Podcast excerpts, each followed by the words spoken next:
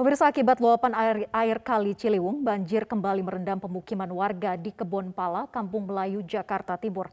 Tidak hanya di Kebon Pala, banjir juga merendam pemukiman Bina Marga, Rawajati, Jakarta Selatan.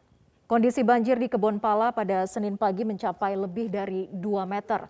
Sejumlah warga harus menggunakan ban serta pelampung untuk evakuasi dan beraktivitas. Menurut warga, banjir sudah terjadi sejak minggu sore. Namun ketinggian air terus bertambah pada Senin dini hari.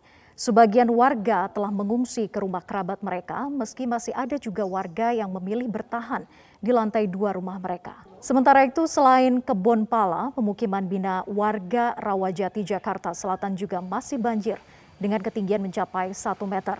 Meski aktivitas warga terganggu, mereka masih tetap bertahan di lantai dua rumahnya. Hingga Senin siang menurut BPBD DKI Jakarta setidaknya masih ada 38 titik genangan banjir di ibu kota. Pemirsa dua orang pedagang meninggal dunia tertimpa tembok pagar yang roboh di Jalan Pejaten Raya Jakarta Selatan pada minggu sore. Dari rekaman video amatir terlihat saat petugas penanggulangan kebakaran dan penyelamatan sektor Pasar Minggu tengah berusaha memberikan bantuan pernapasan terhadap salah satu korban yang tertimpa runtuhan tembok pagar di Jalan Pejanten Raya, Pasar Minggu, Jakarta Selatan.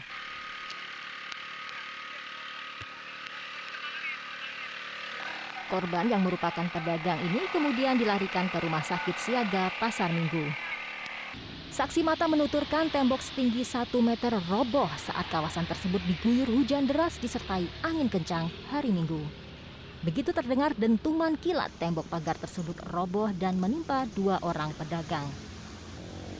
Seorang korban lainnya, pedagang masker, meninggal dan sudah dibawa ke kampung halamannya di Palembang, Sumatera Selatan. Kepolisian sektor Pasar Minggu memasang garis polisi untuk proses penyelidikan. Warga ibu kota diminta waspada lantaran cuaca ekstrim masih kemungkinan terjadi pada 8 hingga 9 November. Direktorat Reserse Kriminal Khusus Polda Kalimantan Timur menangkap seorang mahasiswi pelaku penipuan investasi online ada sekitar 900 orang yang menjadi korban dengan kerugian mencapai 63 miliar rupiah. Seorang mahasiswi sebuah universitas ternama di Samarinda menjadi pelaku penipuan investasi online.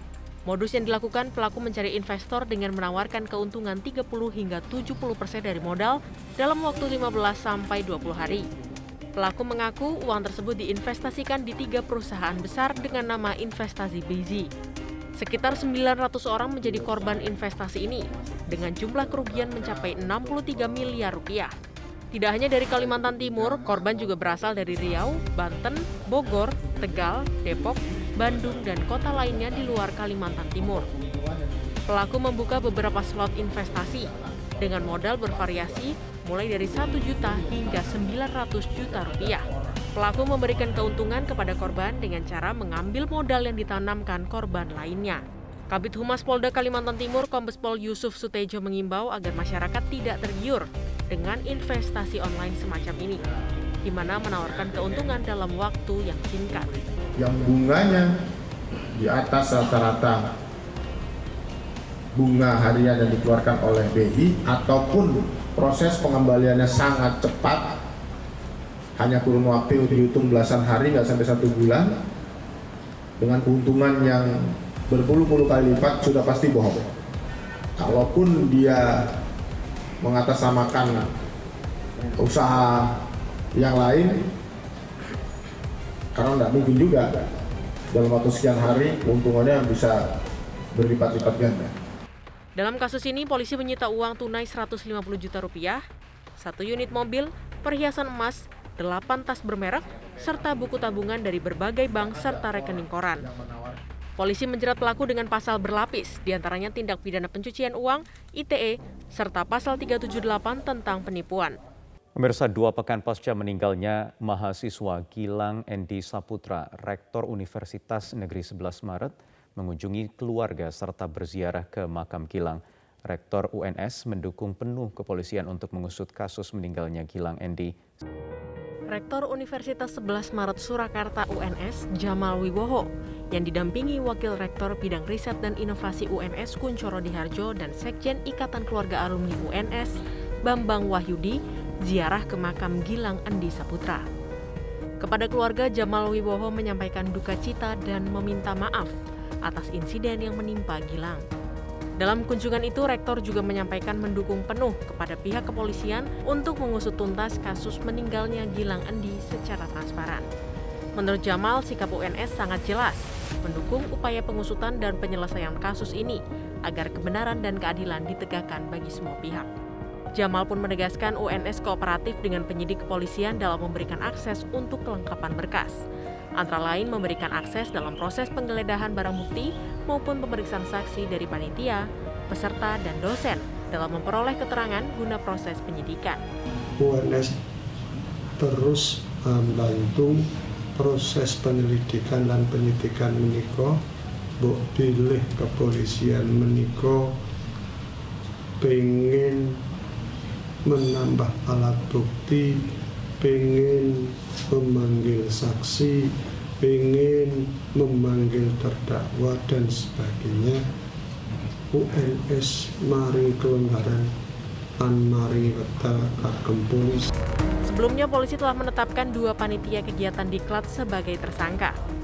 Penetapan tersangka dilakukan setelah polisi menggelar serangkaian gelar perkara ada tiga alat bukti sebagai dasar penyidik Polresta Surakarta menetapkan dua orang tersangka kasus meninggalnya Gilang. Menurut petugas kepolisian, kedua tersangka diduga secara bersama-sama melakukan penganiayaan terhadap Gilang saat mengikuti diklat menwa UNS hingga menyebabkan Gilang meninggal dunia. MTM News pemirsa kepolisian memastikan peledak yang digunakan dalam peristiwa ledakan di rumah orang tua Veronica Koman berdaya ledak kecil. Saat ini kepolisian dari Polres Metro Jakarta Barat masih mendalami kasus ini dan mengejar pelaku peledakan. Kasat Reskrim Polres Metro Jakarta Barat Kompol Joko Dwi Harsono menyebut ledakan terjadi pada minggu pagi pukul 10.45. Ledakan terjadi di Jalan Jelambar Jakarta Barat di kediaman orang tua dari Veronica Koman. Dalam olah TKP ditemukan beberapa barang bukti seperti kertas bertuliskan ancaman, batu baterai, kabel, dan cat merah yang terbungkus plastik. Hingga saat ini ada lima orang saksi yang telah diperiksa di antaranya pemilik rumah, asisten rumah tangga, dan petugas keamanan setempat. Itu ada serpihan-serpihan kertas di situ, kertas uh, kemudian ada cat, cat merah, apa namanya plastik yang penuh dengan cat merah, kemudian kita juga temukan uh, kabel ada baterai juga di situ. Itu memang kesengajaan ada ada seorang yang melakukan. Ledakannya kecil ya karena tidak ada kerusakan dan juga tidak ada korban jiwa baik luka maupun meninggal dunia. Berarti ini di TKP juga kita temukan kertas ada tulisannya yang Pemirsa selangkah lagi, Kepala Staf TNI Angkatan Darat Jenderal Andika Perkasa akan menjadi Panglima TNI. Setelah Komisi 1 menggelar uji kelayakan dan kepatutan di akhir pekan kemarin, hari ini atau hari Senin DPR menyetujui Andika sebagai Panglima TNI. Saya hanya ingin mengucapkan terima kasih banyak kepada pimpinan DPR dan seluruh anggota DPR RI yang telah menyetujui uh, surat presiden tentang pengangkatan saya. Wakilan rakyat menyetujui pencalonan Kepala Staf TNI Angkatan Darat Jenderal Andika Perkasa sebagai Panglima TNI. Keputusan ini diambil dalam rapat paripurna DPR yang digelar pada Senin pagi. Sebelumnya Komisi 1 sudah menyetujui Andika sebagai calon Panglima TNI setelah uji kelayakan dan kepatutan digelar pada hari Sabtu. Apakah laporan Komisi 1 DPR RI atas hasil uji kelayakan fit and proper test calon Panglima TNI tentang pemberhentian Marsekal TNI Hadi Cahyanto SIP dan menetapkan Jenderal TNI Andika Perkasa SEMAMSC sebagai calon Panglima TNI tersebut dapat disetujui.